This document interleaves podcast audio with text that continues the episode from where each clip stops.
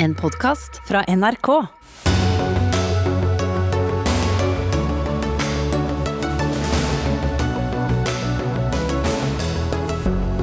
Også NRK legger seg flate, innrømmer svikt i dekningen av Baneheia-saken. Men hvorfor kommer alle unnskyldningene først nå? Høyre vil ha statsministeren på banen etter at kommunal- og distriktsminister Sigbjørn Gjelsvik valgte å ikke publisere en forskningsrapport om valgpåvirkning som hans eget departement hadde bestilt. Alle gode ting er tre, i alle fall for Storbritannia sin tredje statsminister på noen få uker. Han heter Rishi Sunak. Det har noen få hundre politikere bestemt på vegne av nesten 48 millioner velgere. Og flere asiatiske markeder opplevde kraftig børsfall etter gjenvalget av Kinas sterke mann Xi Jinping. Dette er Dagsnytt 18 mandag. Jeg heter Espen Aas. Aftenposten har gjort det, VG har gjort det, flere andre har gjort det. I dag gjorde også NRK det. Unnskylder egen dekning av Baneheia-saken. Fredag ble det gjort klinkende klart at det ikke finnes et eneste bevis som peker på at Viggo Kristiansen var delaktig i Baneheia-drapene for 22 år siden. Og etikkredaktør Per Arne Kalbakk i NRK, hvorfor var det først nå at NRK innså at journalistikken var sviktende? Vi har jo diskutert eh, dette over tid, og særlig siden saken ble, eh, ble, gjenåpnet for ny etterforskning. Og etter hvert som vi og andre medier også fant nye opplysninger uh, om saken. Og så fant vi det naturlig og riktig å vente til Riksadvokaten hadde kommet med sin konklusjon i saken. Og det skjedde jo nå på fredag. Mm. Men vi kunne ikke konkludert før? Det kunne vi helt sikkert, men eh, vi eh, konsentrerte oss nå om å dekke saken fram til den konklusjonen var klar. Og dette er jo en stor og viktig omdreining, som jo setter en del av journalistikken eh, vi har gjort her i et, også et grelt lys. Vi skal komme tilbake til detaljene litt senere. Kommentator Hegge Ulstein i Dagsavisen, NRK, et av mange mediehus altså som, som, legger seg flate nå etter at Riksadvokaten slo fast det han gjorde på, på fredag. Hvor god selvinnsikt har det vært i norske redaksjoner? Jeg syns ikke den har vært veldig god. Eh, når det gjelder tidspunktet, så tenker jeg at det er ikke noe oppsiktsvekkende at man venter til det foreligger en avgjørelse før man sier eh, beklager for det man har gjort. Men jeg er mer opptatt av hva som har pågått i alle årene før det, og disse tingene man faktisk beklager, hva det er for noe. Og eh, der tror jeg nok at jeg vil si at det er fint at NRK kommer med en beklagelse. Det er bra, men i de miljøene som har jobbet for Viggo Kristiansen gjennom mange år, så oppleves NRK som verstingen blant norske medier, og da spesielt distriktskontoret på Sørlandet. Og det er mange, mange, mange, mange eksempler på ting som har vært veldig galt. Og det jeg savner i den beklagelsen dere kommer med i dag, det er at den er mer spesifikk eh, og mer konkret. Fordi en generell beklagelse har ikke så stor verdi. Eh, nå sitter Fridtjof Jacobsen i Dagens Næringsliv ved siden av meg her. Han skrev en kommentar i forrige uke hvor han var veldig konkret på hva han mente at han burde gjort annerledes. VG, VG har også gjort det på den samme måten. Og jeg tenker at eh, jeg, jeg, ble lett, rett og slett litt skuffa i dag. Jeg, jeg, hadde forventet at NRK skulle vært tydeligere og mer konkret når de har den, det rullebladet de har i denne saken. Ja, Dere viser jo blant annet, eller du da, som har skrevet dette, Per Kalbakk, viser jo bl.a. til at hensynet til ofrene, ofrenes familier, har, har vært uh, viktig her. Men kunne det vært mer konkret? Det er alltid mulig å diskutere hvordan uh, man skal formulere en sånn tekst, og hva man skal være konkret på.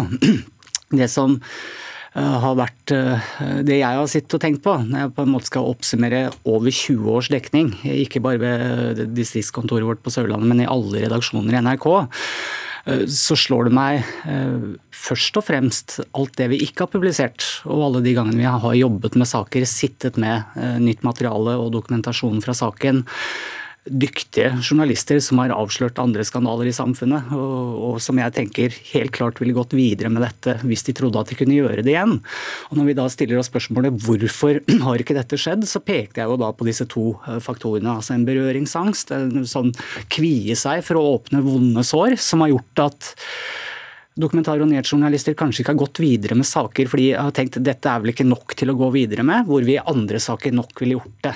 Og Den andre delen av det er at også vi i for stor grad har stolt på at denne dommen er riktig, og ikke har evna å løfte oss ut fra det, eh, det rettsinstansen har sagt, og gå inn i saken med egne kritiske undersøkelser. Og Om vi ikke hadde gjort det før, så hadde, vi i hvert fall gjort det i 2017, da Bjørn Olav Jahr kom med sin første bok. og plukket fra hverandre veldig mange av bevisene i, i Baneheia-saken. Mm. Ja, Fridtjof Jacobsen har allerede introdusert for så vidt eh, nettopp eh, noen av de tingene som Kalbakk snakker om, var jo det du skrev om også i din kommentar eh, på fredag. Ikke på vegne av Dagens Næringsliv, hvor du er politisk redaktør, men for så vidt på vegne av deg selv, både som journalist og kommentator. Og selv om du ikke engang dekket denne saken da den kom opp, hvorfor var det viktig for deg å gjøre? Nei, jeg, jeg tror jeg de, i de siste måneden har nok tenkt at uh, med etterforskningen og de nyhetene som har sevet ut derfra, at uh, dette justismordet og skandalen kom til å bli et faktum.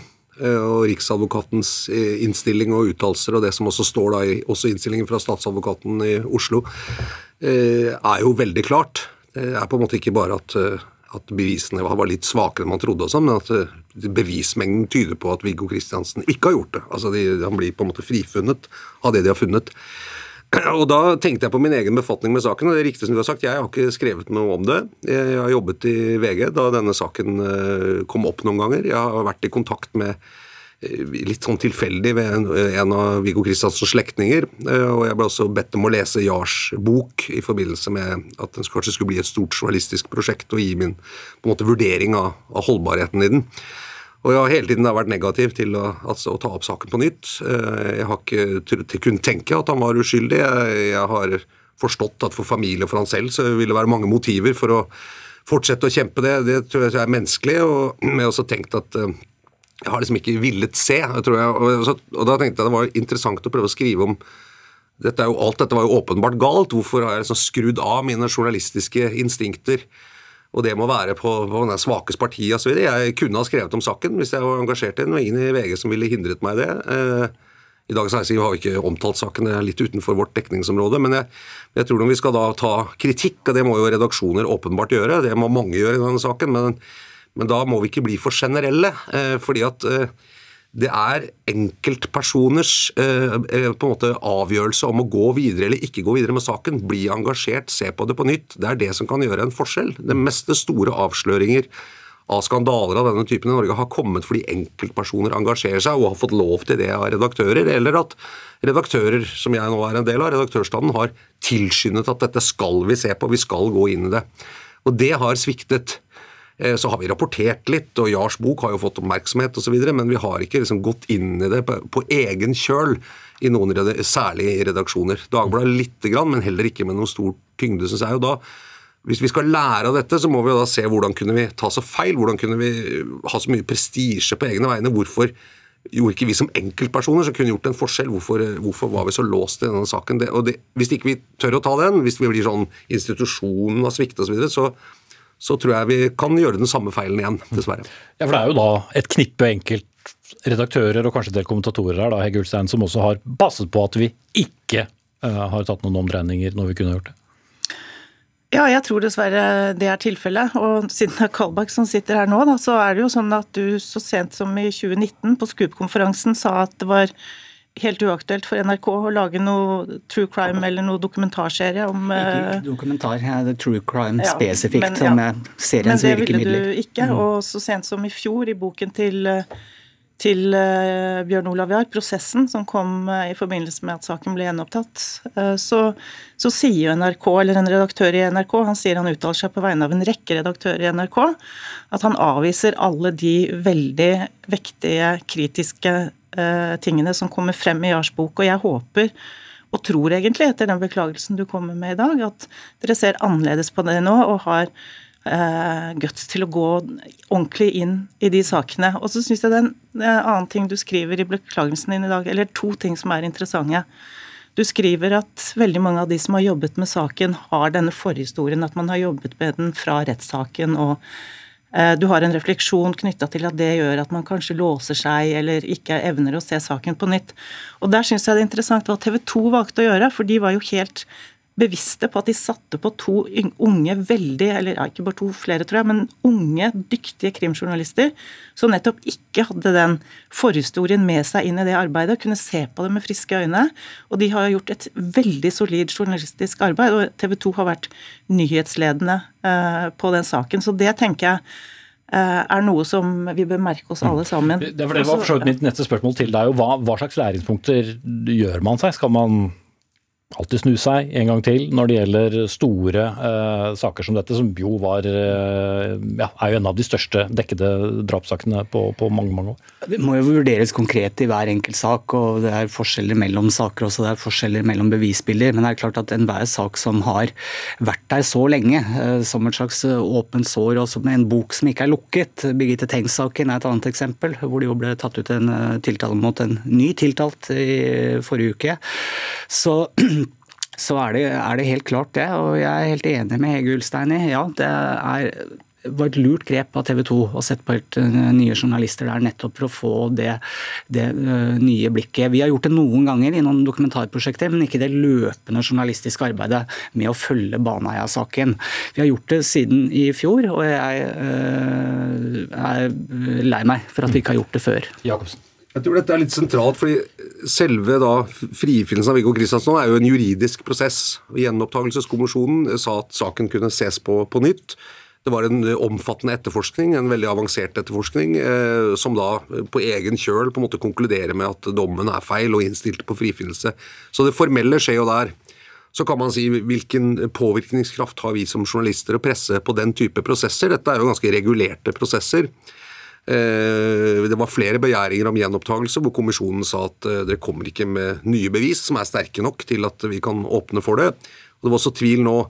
Men det jeg tror som er grunnen, og dette er, jo ikke, dette er jo ikke først og fremst en presseskandale, det er først og fremst en juss- og rettsstatsskandale. Det må man huske på det. Er, det er den største skandalen. Men vi har jo det at vi kan få tak i informasjon og problematisere, kan jo eh, eh, skape opinion, det kan skape press, det kan gjøre det vanskeligere å avfeie ting, for, både for gjenopptakelseskommisjoner, for juridiske miljøer, for politi, for påtalemyndighet, for domstoler osv. Det er en makt vi har, som vi må bruke fornuftig. Og det at jeg tror Ingen av oss kan heller si at eh, ja, JAR gjorde et voldsomt stort arbeid, men vi, men vi og Det er ikke sikkert alt vi skulle publisert, og så videre, men vi har ikke gjort jobben heller. ikke sant? Og Det er det som blir kronglete. Og når noen gjør jobben, politiet, så blir sannheten veldig fort ganske åpenbar. Just det. Ja, og jeg tenker jo at nettopp fordi det er en stor rettsskandale, og fordi rettsstaten har sviktet både politi, domstoler og over hele linja, da ligger jo det et ekstra stort ansvar på oss i mediene. For da er vi kanskje den eneste instansen i samfunnet med noen form og grad av makt og ressurser som kan gjøre noe annet. Og der har vi sviktet i denne saken. Så vil jeg si en ting til, og det er at du skriver i beklagelsen din, og det har jeg sett flere andre redaktører også si, at de, man prøvde, men man fant ikke gode nok kilder, og hvem skulle man snakke med? Og det mener jeg, det, det syns jeg er veldig rart å si. Altså disse bøkene til Jahr og begjæringene til gjenopptakelseskommisjonen. Det var massevis av kilder, det var massevis av dokumenter. Det, her var det ikke det som var problemet. Av, uh... Ja, det, og det er, som jeg skriver, så var ikke dette godt nok. Det er forståelig i et menneskelig perspektiv, men journalistisk er det ikke godt nok. Og vi er nødt til å gjøre det bedre neste gang. Si til, til, vi, vi lever jo av å konfrontere mennesker som er låst i forutinntatte oppfatninger med nye fakta, og tvinger frem ny erkjennelse. Det er en av pressens oppgaver ved å komme med informasjon. Men vi må være bevisst på at vi, også som enkeltpersoner, kan ha de samme på en måte mentale låsningene og forutinntatte holdningene til saker som vi syns er oppe og avgjort. Og Det tror jeg er lærdommen av denne saken, at vi må passe på både som mennesker og som organisasjoner at vi hele tiden utfordrer det vi oppfatter som vedtatte sannheter. I dette tilfellet da at Viggo Kristiansen var uh, skyldig og dømt på riktig grunnlag. Det gjorde vi ikke, og det må vi passe på at vi ikke går i den fella en gang til, for dette kan jo skje igjen, dessverre.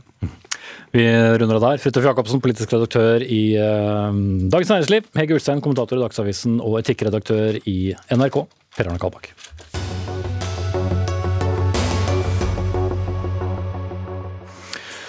Reaksjonene har vært mange gjennom helgen etter at kommunal- og distriktsminister Sigbjørn Gjelsvik fra Senterpartiet valgte å ikke publisere en rapport om valgpåvirkning fra Forsvarets forskningsinstitutt, som var bestilt av hans eget departement.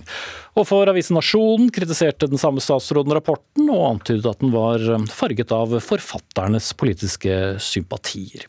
Ekstremt alvorlig, Helt oppsiktsvekkende, sier Høyre om saken. De skal snart komme til ordet, men eh, la oss begynne med selve rapporten. Eskil Grendal Sivertsen, du er spesialrådgiver i Forsvarets forskningsinstitutt, og en av forfatterne bak denne rapporten, som heter 'Scenarioer for uønsket påvirkning i forbindelse med norske valg. Og det første ordet, scenarioer, er jo essensielt her. Men eh, hvordan reagerte du? Du har jo også skrevet på sosiale medier om dette, men din reaksjon da de valgte å ikke publisere den på sine sider? For den er jo tilgjengelig, men ikke via departementet. Ja, Jeg ble jo svært overraska, fordi det lå jo her i kortene hele tida en avtale om at denne skulle publiseres av KDD. Eh, og det har ikke vært noen kommunikasjon mellom oss eller noen beskjed fra dem som skulle tilsi at eh, den ikke skulle publiseres, før vi fikk en beskjed eh, etter noen uker, i 29.9, om at de ikke hadde tid til å publisere den pga. andre hastesaker, og at vi da kunne publisere den. Og Før vi rakk å gjøre det, så leste vi da denne saken i Nasjonen med Gjelsvik. Eh, og Det ble jeg jo overraska over. Og så vil jeg bare legge til også at det, det, sitter jo langt inne for oss å gå ut med en såpass tydelig kritikk. Det gjør vi vanligvis ikke, men her var det tre ting som var såpass alvorlige at vi følte vi måtte gjøre det. Mm. Hva slags rapport er dette, bare for at eh, seerne og lytterne skal få en slags innsikt i hva det er, og for så vidt hva det ikke er? Det er en rapport som vi har skrevet på oppdrag fra KDD. Altså, Kortversjonen av navnet på departementet? Ja. ja. Uh, som i oppdrag om å beskrive scenarioer for hvordan valg, påvirkning kan foregå i forbindelse med norske valg. Uh, beskrive hvordan det kan skje, og også betydninga av det. Og prøve å hente ut noe, noe råd om, om, hvordan dette kan håndteres. Og Det var en del av et større oppdrag, hvor del én var kartlegging av påvirkning av stortingsvalget, som vi gjorde i fjor. Mm. Men det handlet også om motstand da mot norsk EØS-medlemskap som, som ett scenario i rapporten? Vi har med fem scenarioer i rapporten, og det er egentlig en veldig liten del av rapporten. Eh, rapporten har en analyse i bunn som tar fram mulighetsrommet som aktører kan bruke for å påvirke. og Det er jo nesten ingen grense for hva en aktør kan gjøre innenfor påvirkning. Eh, så vi har jo definert det ned til noen målsettinger. og Da har vi noe, det vi kaller scenarioklasser, eller kategorier. Eh, hvor én da går på politisk omveltning, som vi ser på som den, det vanskeligste målet og den mest alvorlige kategorien. Og Da har vi satt eksempler på hva vi mener med politisk omveltning kan være f.eks. Eh, endring av styresett fra liberalt demokrati til et autokrati, eh, eller at vi går ut av EØS-avtalen, inn i EU eller ut av Nato. eller altså ting som får veldig store konsekvenser for norsk politikk. Eh, og Da var EØS-scenarioet et eksempel som vi brukte. og Det som er viktig her, er jo å presisere at Scenarioene er kun korte eksempler for å illustrere og vise hva slags metoder og virkemidler aktører kan bruke. Eh, I dette tilfellet for å forsøke å polarisere og, og splitte den norske befolkninga i EØS-spørsmålet. Mm.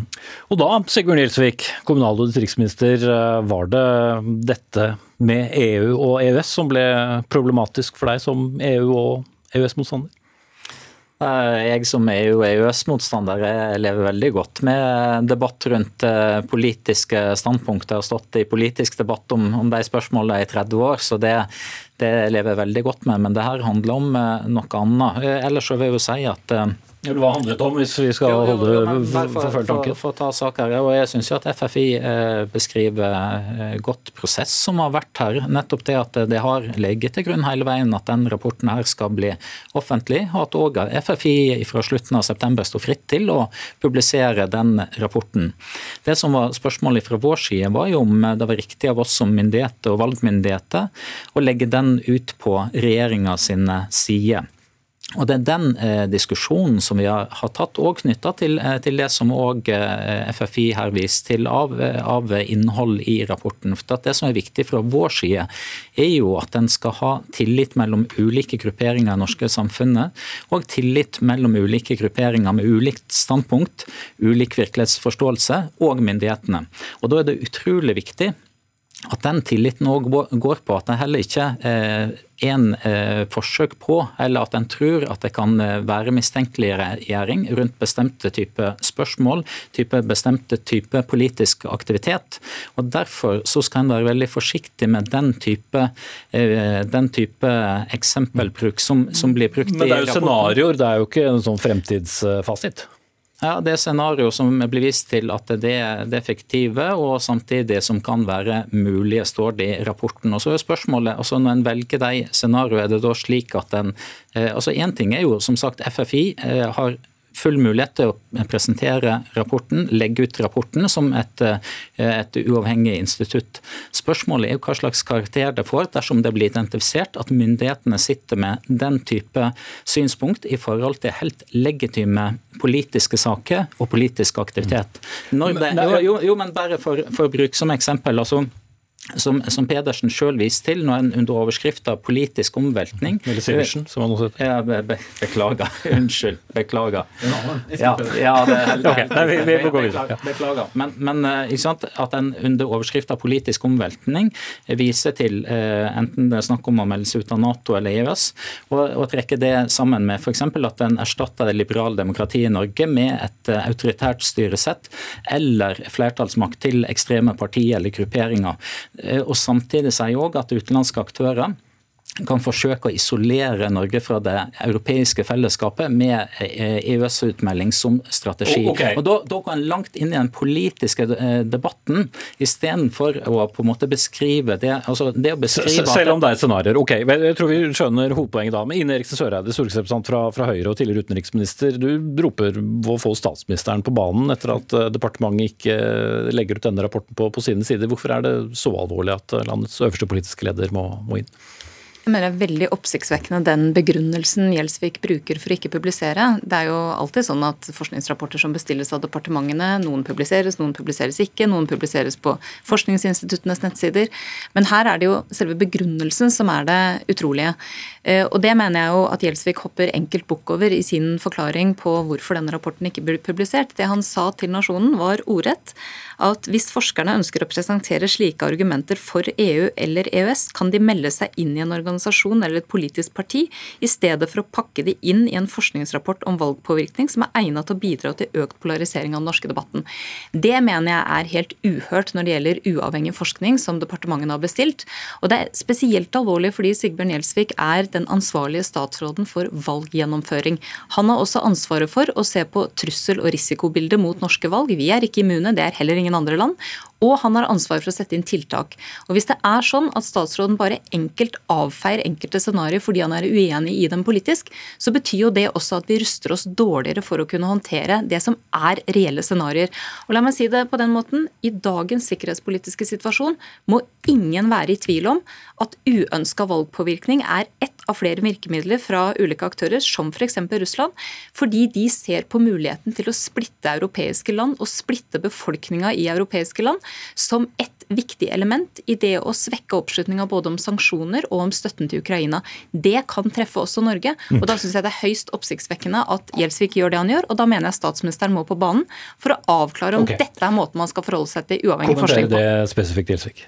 Altså når det gjelder forsøk på valgpåvirkning, så er det alvorlig og noe som vi jobber systematisk med i departementet kontinuerlig, som vi har gjort over tid. Mm. Men, men, kommentaren din til nasjonen på EU? Jo, jo, jo, men jeg har lyst til å si det, at forsøk på valgpåvirkning er utrolig viktig. og det å både å motvirke og hindre at det skjer fra utenlandske Men, men, men, det er uttalelsene dine som eh, Søreide peker på, som har vært kontroversielle. Det virker ikke helt som eh, Søreide eh, festa tillit til det. Senest forrige uke så svarte jeg på spørsmål til Stortinget og hvordan vi jobber systematisk med det eksempel på hvordan, hvordan vi jobber. Det her kan, jo, jo, men tilbake til EU og EØS, det er bare det vi ønsker å få svar på akkurat nå. Det kan det kan bli forsøk på påvirkning overfor ethvert politisk parti og for enhver organisasjon knytta til hver mulig sak. Men, men, det som en skal være veldig forsiktig eh, på som politiske myndigheter, det er når det går på ordinær politisk aktivitet, og hvordan en beskriver det. Hvordan en òg skaper en usikkerhet i eh, deler av befolkninga i forhold til helt legitime standpunkt, om en kan framføre dem, eller om en føler at men, men, det Men hva har det konkret med EU og EØS å gjøre, og hva eh, forfatterne bak rapporten måtte ha eller ikke måtte ha av, av standpunkt? Nei, men Hva forfatterne bak rapporten har, har av standpunkt, det aner jeg ingenting om, og det har jeg heller ikke uttalt meg om. Men når en eh, Men du foreslår at det kan melde seg inn i et politisk nei, parti? men jeg sier at Hvis en eh, eh pakker det inn i en beskrivelse der en knytter det å være eh, mot EØS på samme måte som også mot Nato, med at en eh, eh pakker inn med knytta til en politisk omveltning av Norge, på, og eh, tar det sammen med at det liberale demokratiet blir erstatta av et autoritært styresett, eller at ekstreme partier eller grupperinger får flertall i Norge. Det er den ene, ene argumentet som, som blir presentert der. Ja. Det andre er jo at en kobler òg det å være eksempelvis mot, mot EØS, eh, knytta til at en òg eh, handler om å isolere eh, Norge fra det europeiske mm. fellesskapet. Og Da beveger en seg inn i en politisk sfære og det er det jeg er opptatt av. at Det, det har vi fullt rom for å, å, delta i den norske debatten. Men den rapporten okay. her handler om så, det. Det, det. som er faren her, er jo nettopp at den kan bidra til å avspore en viktig debatt om hvordan en potensielt kan bli påvirka i det norske samfunnet. Men den som først og fremst avsporer den veldig viktige debatten om hvordan norske valg kan bli påvirka på en uønska måte, er jo eh, Sigbjørn Gjelsvik sjøl. Ved at han bidrar til å polarisere og politisere en debatt om uavhengig forskning. Og han bidrar til å undergrave forskninga, noe regjeringa sjøl i sine forskningsmeldinger og i Hurdalsplattformen er veldig opptatt av å ikke gjøre. Og Vi må tørre å snakke åpent om hva som kan, i ytterste fall, påvirke også norske valg. Og Det er jo de scenarioene FFI tar opp, noen mulige retninger, som jo på ingen måte er, eh, skjer i et vakuum. Vi ser jo akkurat den samme debatten i veldig mange andre europeiske land, som bidrar til å påvirke valg i, i ulike retninger. Jeg syns det er eh, viktig, ekstremt viktig, at regjeringa jobber, som den forrige regjeringa også gjorde veldig intensivt, med å både forhindre uønska valgpåvirkning og, og bidra til å sette inn tiltak. Men det som skjer akkurat nå, er jo at vi har en statsråd som ikke ønsker å se et av scenarioene eh, for seg. Og dermed så lurer jeg også på, hvis etterretnings- og overvåkningstjenesten i Norge f.eks. ser tegn til uønska valgpåvirkning, som har å gjøre med noen av scenarioene som er presentert i rapporten, hvor skal de henvende seg da, når de har en ansvarlig statsråd som ikke er interessert i å diskutere scenarioer han er uenig i politisk? Jeg mener dette er veldig alvorlig, og jeg mener også at statsministeren er nødt til å avklare om det er denne måten regjeringa skal forholde seg til uavhengig forskning på. Superkort på det til slutt, Gjelsvik. Her jobber vi systematisk med å motvirke valgpåvirkning i Norge. Hvis det kommer kunnskap om at fremmede makter forsøker å påvirke politiske parti, politiske beslutninger i Norge, så blir det selvsagt tatt på høyeste alvor. Det rapporten, det, det rapporten her handler om, handler ikke om at en har identifisert i de grupperingene i Norge forsøk på politisk påvirkning fra fremmede makter. Det kan skje i forhold til de sakene, det skjer i forhold til andre saker. Men det vi skal godt tips, Sigbjørn Gjelsvik. Jeg, må, runde av nå, så heller vise til at denne rapporten nå er tilgjengelig. Jeg tror jammen dere lenker til den fra departementets side også. Sigbjørn Gjelsvik, kommunal- og distriktsminister fra Senterpartiet, Ine Eriksen Søreide, stortingsrepresentant fra Høyre, og Eskil Grendal Sivertsen, spesialrådgiver og rapportforfatter.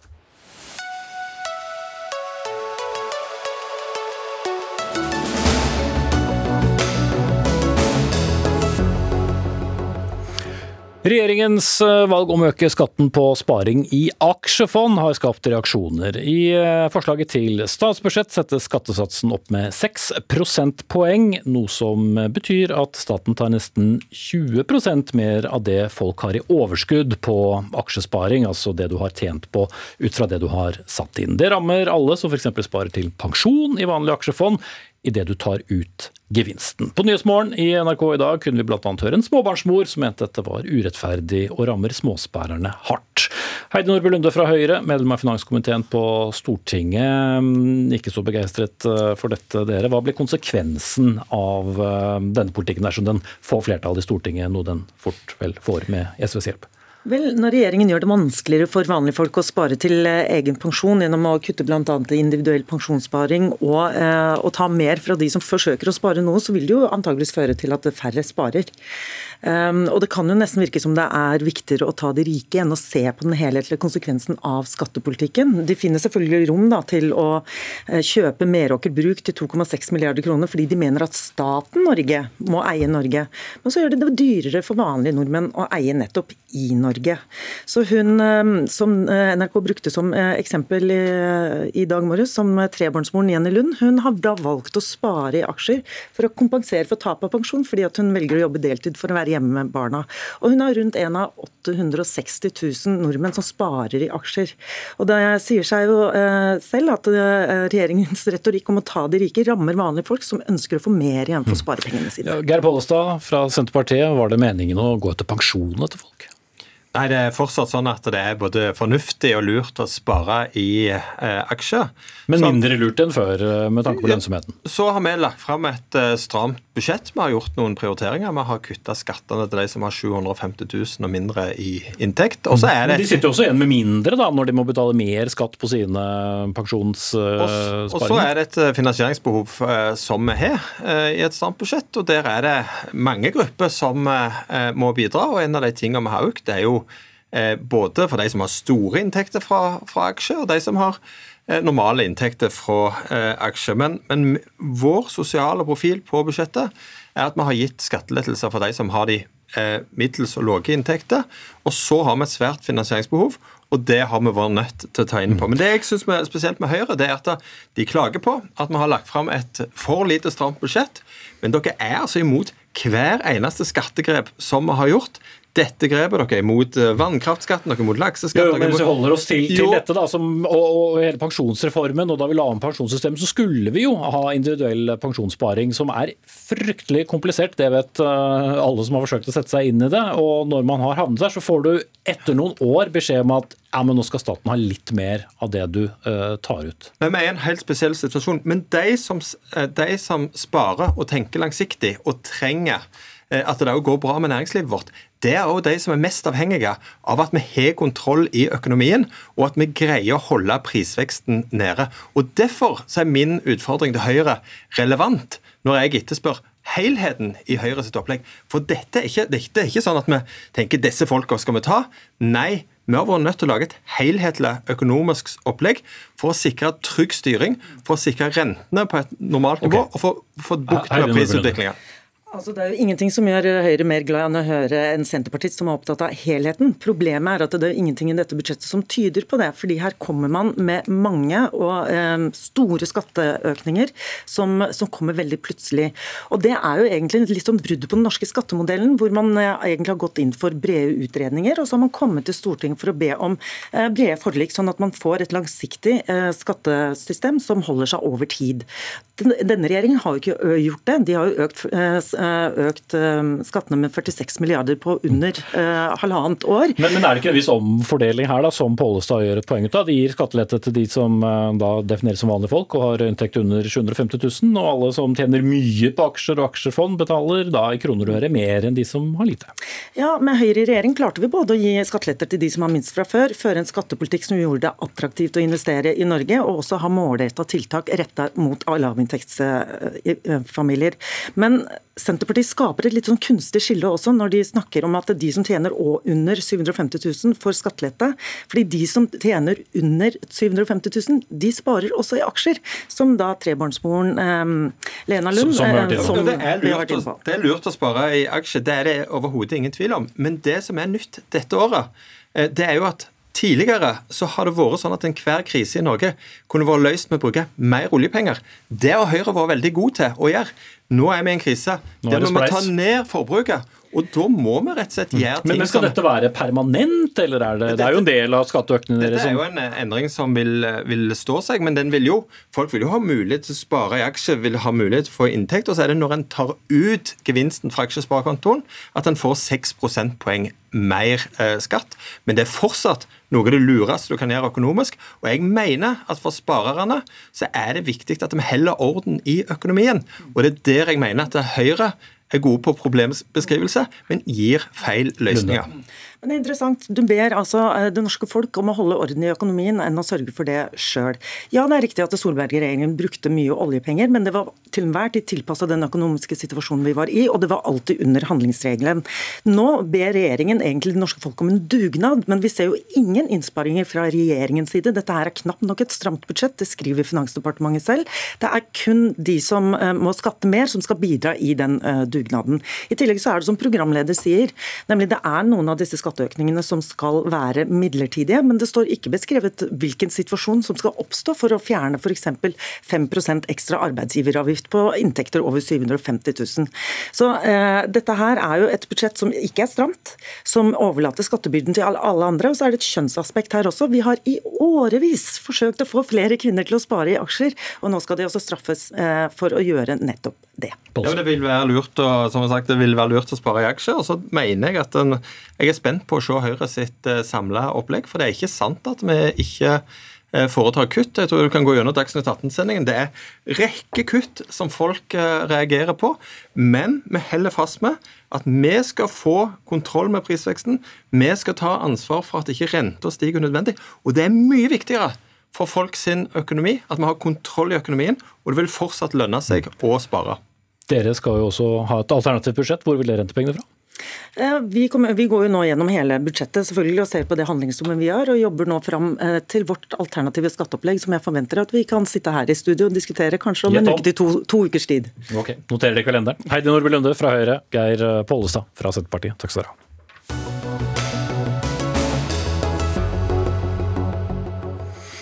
Senere i Dagsnytt 18 en svært dårlig idé å øke gebyrene i helsevesenet for pasienter som ikke møter opp til time, ifølge psykolog. Ja, men det er jo usolidarisk å ikke møte opp, sier kommentator, og det blir det debatt av. Men nå Storbritannia. For det som kunne bli en ukeslang thriller, ble i grunnen avgjort nå i ettermiddag. Den neste lederen av det konservative partiet i Storbritannia, og følgelig landets neste statsminister, er Rishi Sunak. Som kjent trakk Boris Johnson seg fra kampen i går. Dermed sto det mellom den tidligere finansministeren Sunak og utfordrer Penny Mordent, men så trakk også hun seg.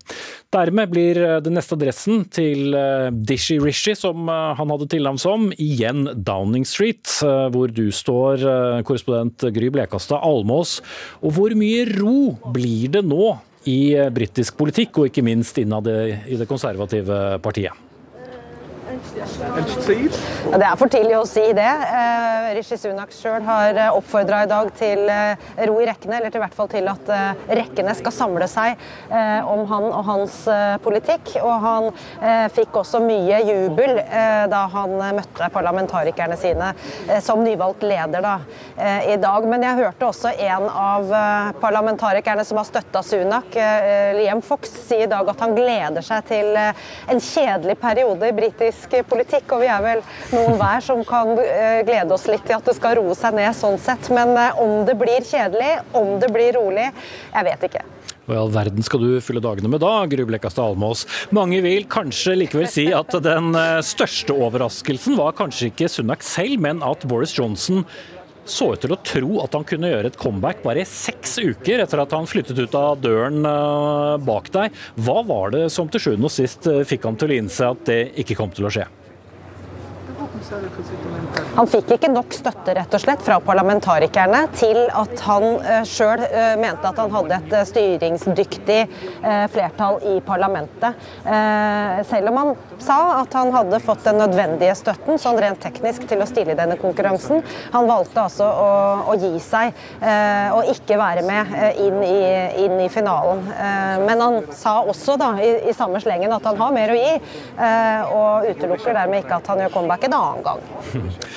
Når tar Rishi Sunak for alvor eh, fatt på jobben? Skjønner kong Charles eh, er på vei til London, hvis ikke han har ankommet alt? Ja, og gangen i det er jo sånn at uh, Liz Truss først skal holde sin avskjedstale her, og så skal hun få avskjed hos kong Charles.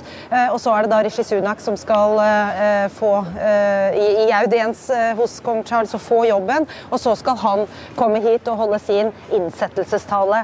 Men mye tyder på at det kommer til å skje i morgen. Det er ikke kommet noen bekreftelse på tidspunkt ennå, men i morgen formiddag er det heteste tipset her blant journalistene i Downing Street nå i, i kveld i hvert fall. Storbritannia hadde vel ved siste opptelling 47,6 millioner velgere. Så er det da noen få hundre som har bestemt hvem som er eh, landets neste statsministeren, kanskje i flere år fremover.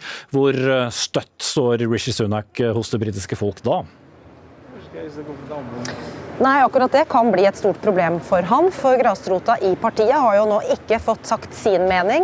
Eh, og velgerne selvfølgelig har jo heller ikke fått sagt sin mening om mannen som eh, kommer inn og, og blir ny statsminister for eh, landet. Og han sjøl har avvist å holde et nyvalg. Han vil bare gå rett på og møte de mange utfordringene dette landet står overfor. Særlig den britiske økonomien er det første han skal ta tak i, i tillegg til å, å samle partiet, og også prøve å samle det britiske folk. Det var eh, en av de tingene han sa i en superkort tale han, eh, han holdt til offentligheten nå i ettermiddag. En tale som eh, britiske medier har gitt han tilnavnet Robot-Rishi eh, for. Eh, hvor han altså framstår litt stiv, da. Eh, så det er blitt allerede etterspurt at han blir litt mer menneskelig i måten han snakker til folket på nå som han er blitt statsminister. Nok å holde på, både for han og for deg. Takk skal du ha, Gry Blekastad Almås fra Downing Street i London.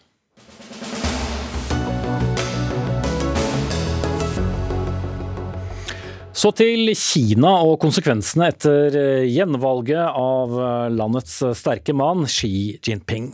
For i Hongkong falt børsen kraftig i dag. Hang Seng-indeksen endte ned med over 6 og rett etter partikongressens slutt offentliggjorde myndighetene en rapport som viser at Kinas økonomiske vekst den ligger bak målene til verdens nest største økonomi, eller målene den hadde satt seg. Og Philip Lote, korrespondent i Beijing, eh, denne rapporten, hva ellers lå i den? Det som lå i den, var at den skulle blitt uh, offentliggjort 18. oktober, altså to dager etter at partikongressen åpnet. Men så var det Hongkong-avisen South China Morning Post som først meldte at uh, uh, offentliggjøringen var utsatt pga. arbeidstekniske årsaker. Og det arbeidet som pågikk i Beijing på denne tiden, eh, det var jo partikongressen. Eh, og når den da ble offentliggjort i dag, så viste en vekst på 3,9 Selv om det er en bedring i forhold til forrige kvartal, så er det altfor svakt for å nå det målet Kina har satt seg på en vekst på 5,5 Eh, i år. Eh, og det kommer da etter et andre kvartal som var helt nede på 0,4% i vekst. Så Kina kommer ikke til å nå sitt mål for 2022. Hva ville konsekvensen vært om denne rapporten da hadde kommet eh, når den skulle? Altså før Kongressen kom i gang? Ja, President Xi har jo hatt eh, og planlagt denne partikongressen som skulle gi han en ny periode i mange år. og Han ville ikke tillate noen ting å forstyrre den. Og en dårligere økonomisk vekst, de visste jo at tallene ikke ville være gode, ville kunne gi krutt til hans motstandere, altså de som han nå skjøv ut og erstattet på denne partikongressen. Så det tok han vel rett og slett ikke sjansen på. Olav Skjenn, leder for allokering og globale renter i Storebrand kapitalforvaltning. Du følger Asia og, Kina tett. Bare så vi har det klart, hvor, hvor stor betydning har kinesisk politikk på utviklingen av verdensøkonomien nå? Kinesisk politikk har eh, veldig stor betydning. Eh, så Det er to forhold her som gjør at eh, det er nesten det som gjør at markedene går ned, istedenfor at makrotallene ble sluppet litt senere. Det ene er koronapolitikken, eller pandemipolitikken og nulltoleranse der. Der har vi, andre økonomer og analytikere, ventet, eller håpet på lettelser i forhold til Eh, nulltoleransepolitikken som har ført til at veksten også har blitt svakere i Kina, samtidig som usikkerheten også om veksten fremover har økt som følge av det. Det er det ene. Det andre er selvfølgelig eh, maktoverføringen, eller maktkonsentrasjonen, som vi også så eh, klare bilder av. Eh, spesielt det bildet rundt Hu Jintao og hans eh, hvor han ble eskortert ut av Folkekongressen. Mot sin vilje. Ja. Mot vilje. Det har nok eh, satt litt eh, si, Ikke en støkker, men i hvert fall overrasket en del observatører. fordi det her pleier å bli løst eh, i bakrommet. håper jeg å Si. Så det der er noe som kommer til å bli analysert i tiden fremover. Hvorvidt det var en hva skal jeg si, symbolikk i dette her, eller om faktisk han var syk. Så det er helt klart viktig. Så på kort sikt pandemipolitikken på lang sikt helt klart eh, maktkonsentrasjon. Så det vi ser er jo at spesielt teknologiaksjer har falt, og teknologiaksjer og teknologiselskaper er kanskje det som også er det mest sensitive også, med tanke på eh, omkrem med omverdenen og geopolitikk. Ja, Bare for å få spesifisert det enda litt. Det at de ikke har gitt noen signaler om at de skal lempe opp da på den veldig veldig strenge smittevernspolitikken. Hvorfor smitter det over på markeder og, og økonomien globalt? Det er fordi Kina er verdens nest største økonomi etter USA. Så hva som skjer der, vil påvirke resten av eh, verden. Den det holder produksjonen nede, rett og slett? Ja, den, direkte, den, direkte effekten er selvfølgelig at uh, hvis eh, pandemitiltakene fortsetter i det omfang som vi ser nå, så vil de kunne potensielt neste uke eller neste måned stenge ned store byer og regioner igjen. Og Det rammer jo selvfølgelig verdenshandelen. Og det gjør ikke, noe, gjør ikke ting bedre når det fører til det vi kaller flaskehalser og eh, potensielt enda høyere inflasjon. fordi det, det, vi har sett av flaskehalser, har jo nettopp bidratt til høyere inflasjon i Vesten også. Det er det ene. Det andre er selvfølgelig kinesisk etterspørsel i seg selv. Hvis du stenger ned Shanghai eller en annen millionby, så vil jo ikke folk kunne gå ut på restauranter eller shoppe osv. Og, så og det rammer jo selvfølgelig da både vestlige selskaper som har tilstedeværelse i Eh, Kina, f.eks. Apple og Tesla, men også kinesiske selskaper. Så du er eh, flersidige effekter ved den knallharde pandemipolitikken som de kjører fortsatt. Mm. Så dette er nesten som den gamle barnevitsen om at hvis alle kinesere hopper samtidig, så vil vi kjenne det her oppe, men i overført betydning da. Hvis de handler mindre og produserer mindre, eh, så går det utover oss alle. Det er helt riktig. og Hvis Eh, eh, denne politikken her eh, fortsetter, så vil jo det ramme varer potensielt til julehandel i Norge også, og eventuelt prisen også, og eventuelt renter i verden på slutten.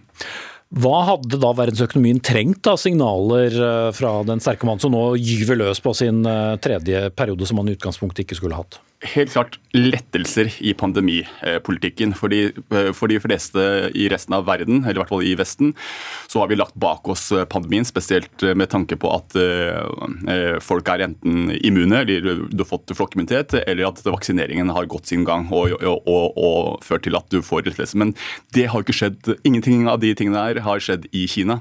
Så det her kan jo fort føre til en, en inflasjon influensasesong, at du får nye nedstengninger. og at det her blir en, mer en eh, langsom kamp som vil dra økonomien eh, eh ned eh, i Kina, men også faktisk globalt også. Ja, Philip Lote, du som lever oppe i det hele. Hvorfor er det så vanskelig for eh, Kinas sterke mann å sende signaler om, om lettelser i denne strenge, strenge covid-politikken som, som har vart så lenge?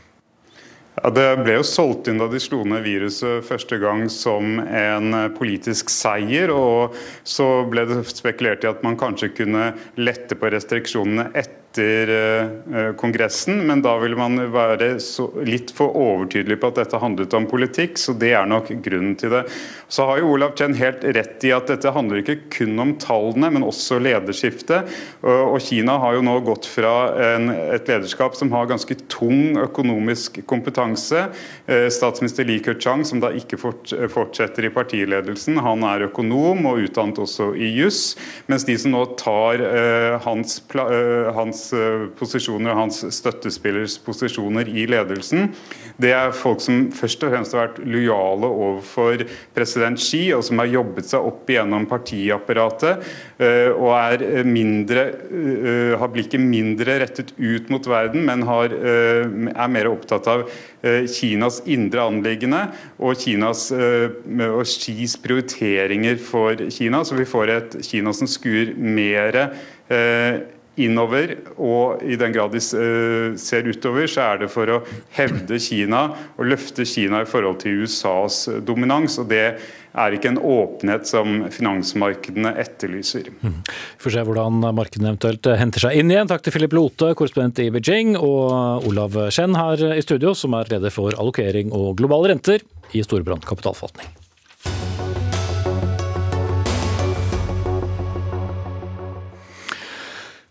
Planer om å øke gebyret for pasienter som ikke møter opp til timene sine, faller ikke god jord hos alle, herunder en psykolog du snart skal få møte. Men eh, for å gå til noen tall, så langt i år har rundt 271 000 pasienter ikke møtt opp til avtalte sykehustime. Samtidig så står nesten en halv million nordmenn på venteliste, og da er det usolidarisk å ikke melde fra om at timen ikke passer, har du skrevet Kjell Werner, kommentator i Dagsavisen. Hvorfor? Ja, jeg mener det er usolidarisk. for eh, Enkelt sagt så er det jo sånn at den første som står på venteliste, kommer da egentlig ikke inn. Eh, og Det bør eh, man tenke på når man da ikke møter opp til time. Om det er da en, en Du skal bare ha en konsultasjon eller det er en operasjon. Uansett så, så er det da forrykker man hele systemet hvis man ikke møter opp. Du skaper kø, rett og slett? Du skaper kø, og, og du Samfunnet går jo glipp av den, den, timen, da, for der står helsepersonell og, og, og, tråkker og får egentlig ikke gjort noe. fordi hvis man får beskjed da, dagen før, så rekker man ikke å få innkalt en ny, ny pasient. Og, og da, Jeg skal ikke skjære alle over én kam, men, men, i hvert fall de som rett og slett ikke møter opp fordi de har glemt timen, de, de må også få en, eh, et gebyr og, og, de må få en pekefinger fra meg, uten at jeg da skal bli kalt for moralist. Sissel Fjeltun, psykolog og for så vidt også med verv i SV. Du reagerte på Werners kommentar og mener at det er ikke så enkelt at man bare ikke møter opp. Nei, det er jo ganske mange ulike grunner til å ikke møte opp til time. Og jeg vil også bare påpeke at selv om det er veldig mange tusen konstellasjoner, så er det også 5 og det er jo ellers et ganske lavt tall hvis vi ser på sykemelding f.eks. i arbeidslivet. Men to måter å lese tall på, da. Men antallet er nå ja, det der. Antallet er jo stort. Men det sier jo veldig mye om antallet konsultasjoner som går som planlagt, som jo altså er det store totalen. Det er mange grunner til at folk ikke møter på time. Noen har syke barn, noen blir sjøl syke. Noen har sjøl en uh, skjør helse, uforutsigbare sykdommer, som gjør at det ikke alltid er like enkelt å møte opp til konsultasjoner. Dessuten er jeg veldig uenig i at vi blir gående og tråkke. Jeg har i hvert fall utrolig mye papirarbeid som jeg kan ta til når som helst hvis man ikke skulle møte opp på jobb. Sånn er det selvsagt ikke i alle deler av helsevesenet, men det er også grunn til å tro at det er litt ulike frafallstall litt avhengig av hva slags konsultasjon det er. Jeg tror ikke det er så mange som ikke møter opp til sin operasjon, f.eks. Mm. Helse- og omsorgsminister Ingvild Kjerkol fra Arbeiderpartiet. De nærmer da 300 000 uteblitte konsultasjonene. Hvor stort problem er det hvis det er snakk om 5 eh, det går jo utover ventetiden vår, da. Det gjør det. For fordi at hvis man ikke møter til time, så får du en ny konsultasjon. Men akkurat som eh, Kjell Werner her sier, så er det da Da øker ventetida.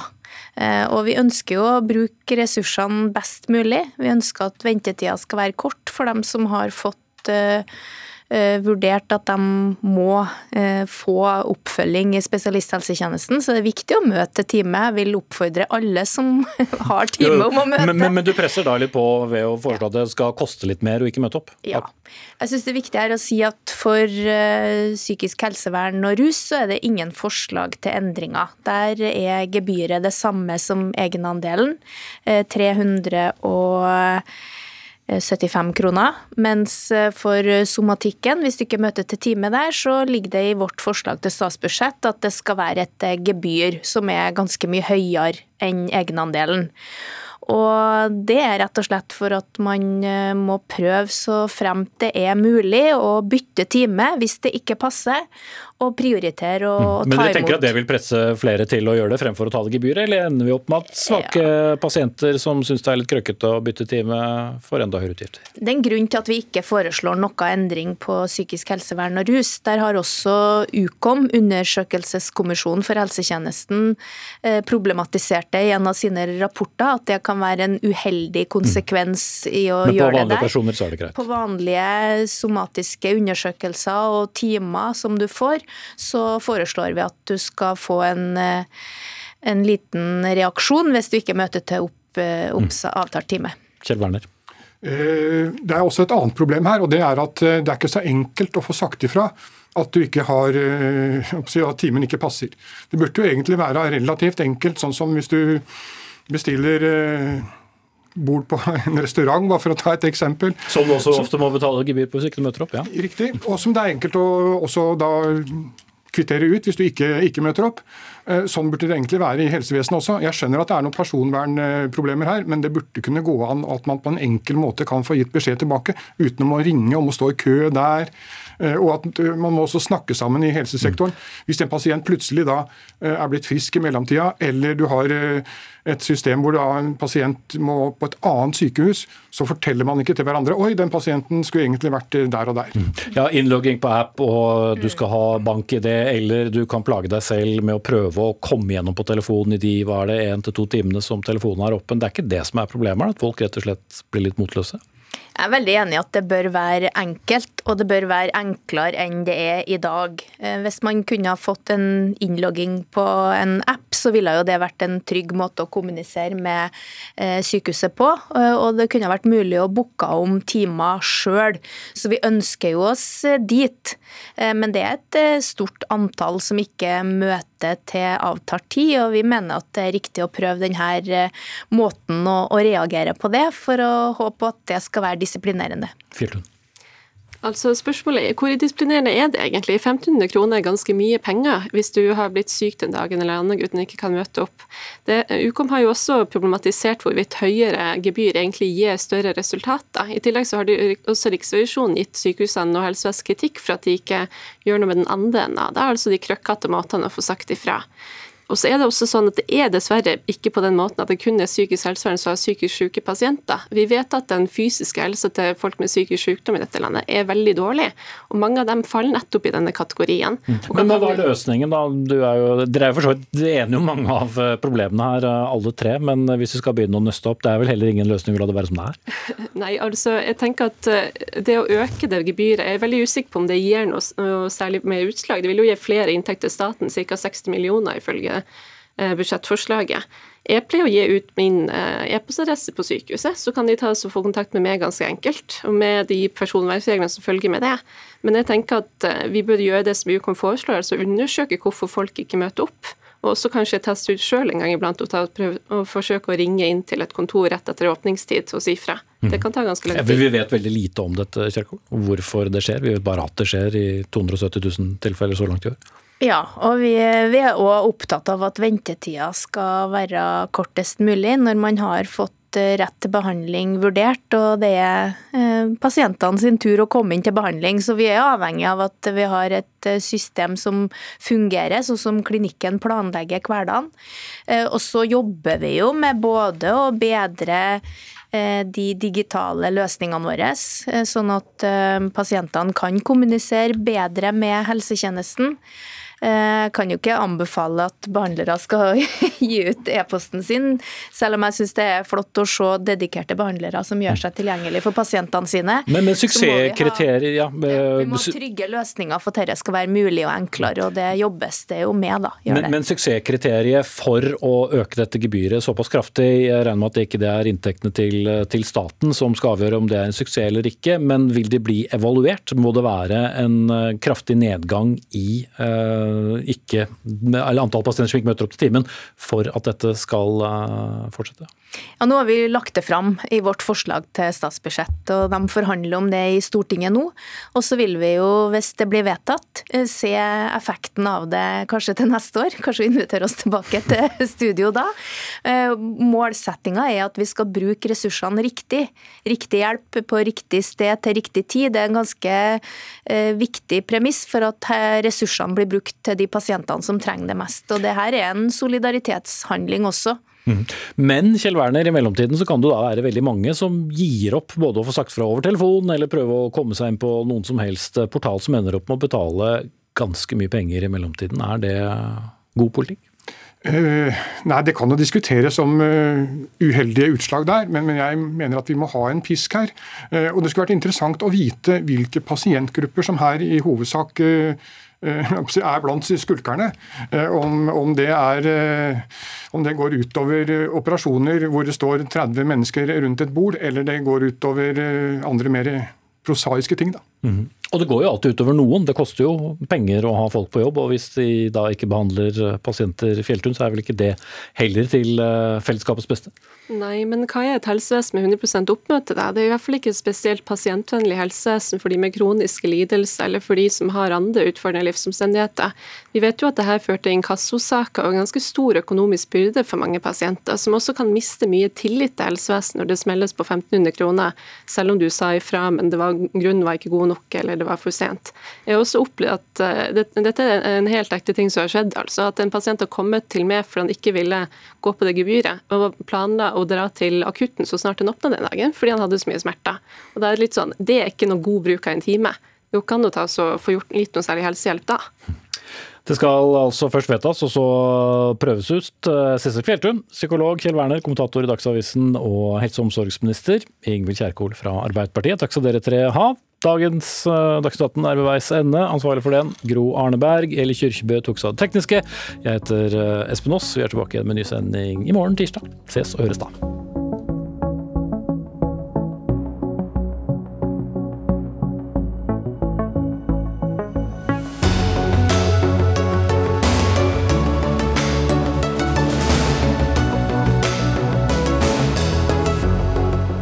Du har hørt en podkast fra NRK. Hør flere podkaster og din NRK-kanal i appen NRK Radio.